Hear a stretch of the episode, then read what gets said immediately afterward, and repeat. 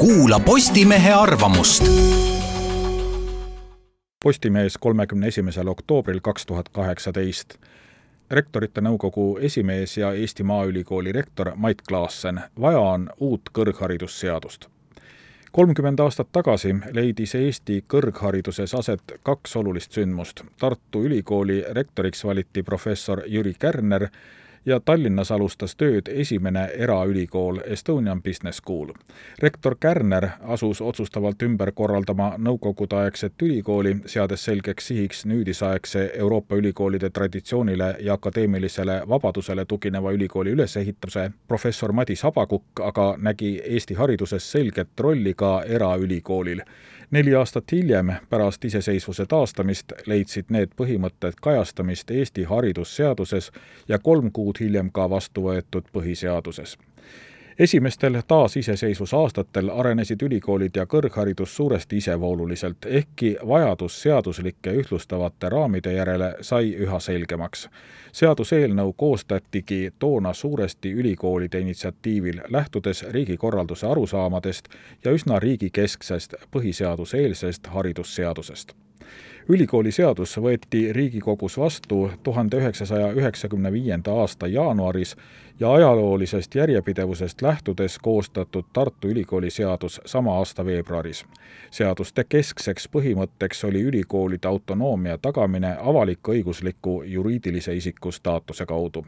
hoolimata selle mõiste kohati jätkuvast ebamäärasusest, tagas see regulatsioon praktikas ülikoolidele üsna laiad võimalused oma elu iseseisvaks korraldamiseks ja võib kindlalt väita, et kõik kuus Eesti avalikku ülikooli on sellega ka hästi hakkama saanud, kuuludes kõik omas valdkonnas Kesk- ja Ida-Euroopa tippu ning parandades pidevalt oma positsioone.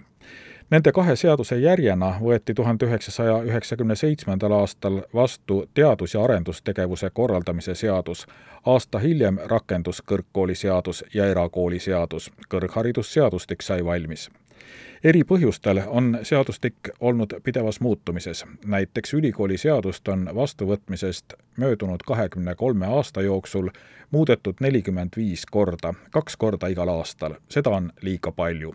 ehkki põhjused selleks on olnud erinevad ja kohati ka sisulised, väärivad kaks peamist algpõhjust siiski äramärkimist ja loodetavasti ka kõrvaldamist esmalt, meie haridusseadus on põhiseaduseelne ja sellest tulenevalt ei ole kogu haridusseadustik üles ehitatud mitte põhiseadusest tulenevatele vajadustele, vaid riigikeskse halduskorralduse arusaamadele. seisu iseloomustab kõige ilmekamalt tõsiasi, et meil on haridusasutuste seadused, põhikooli- ja gümnaasiumiseadus, ülikooliseadus ja nii edasi, mitte aga põhiharidusseadus, kõrgharidusseadus ja nii edasi, mis reguleeriksid isikute õigusi ja kohustusi lähtuvalt põhiseadusest tulenevatest põhimõtetest ja regulatsioonidest. teine probleem on üha kasvav bürokraatia, mida kannab raskesti ohjeldatav soov reguleerida kõikvõimalikke küsimusi seaduse tasemel. selle näitena vaid üks fakt. ülikooliseaduse esimeses redaktsioonis oli kolmkümmend viis tuhat, praegu kehtivas sada neli tuhat tähemärki võime kinnitada, et praegu Riigikogus menetletav kõrgharidusseadus aitab lahendada mõlemat probleemi ja selles küsimuses valitseb kõrgkoolide ning huvirühmade vahel üsna laiapõhjaline konsensus.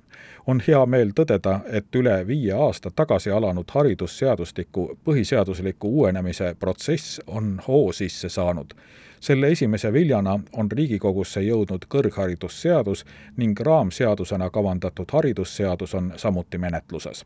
võib loota, et selle protsessi lõpulejõudmisel on kogu hariduse seadusandlik baas viidud uuele, hoopis usaldusväärsemale ja stabiilsemale alusele vähetähtis pole ka seaduse ettevalmistamisel kogu reeglistiku ülevaatamine ja tarbetute regulatsioonide oluline kärpimine.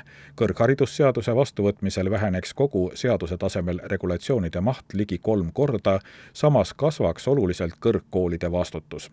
ülikoolide poolt väärib tunnustamist ka ministeeriumi sisuline töö nende regulatsioonide ülevaatamisel ja valmisolek nende radikaalseks vähendamiseks avalikkuse jaoks nähtavalt intrigeeriva ja poliitiliselt olulise muudatusena on eelnõuga pandud ette reguleerida kõigi kuue avalik-õigusliku ülikooli tegevust oma seadusega.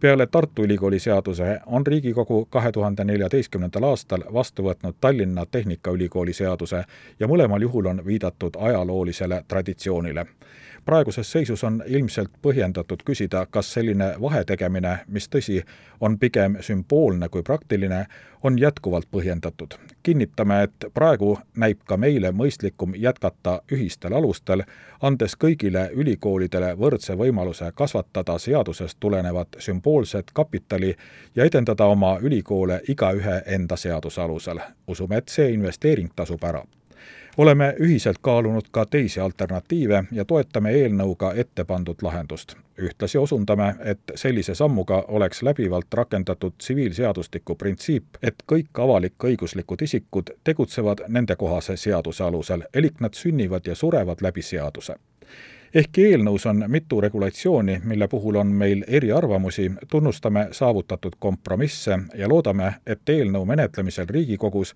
on võimalik vaidlusaluseid norme veelgi vaagida. samas kutsume kõiki partnereid ja eelkõige Riigikogu pingutama selle eelnõu vastuvõtmiseks Riigikogu praeguse koosseisu poolt. ülikoolide ja kogu kõrghariduse areng saaks sellest otsusest vaieldamatu arenguimpulsi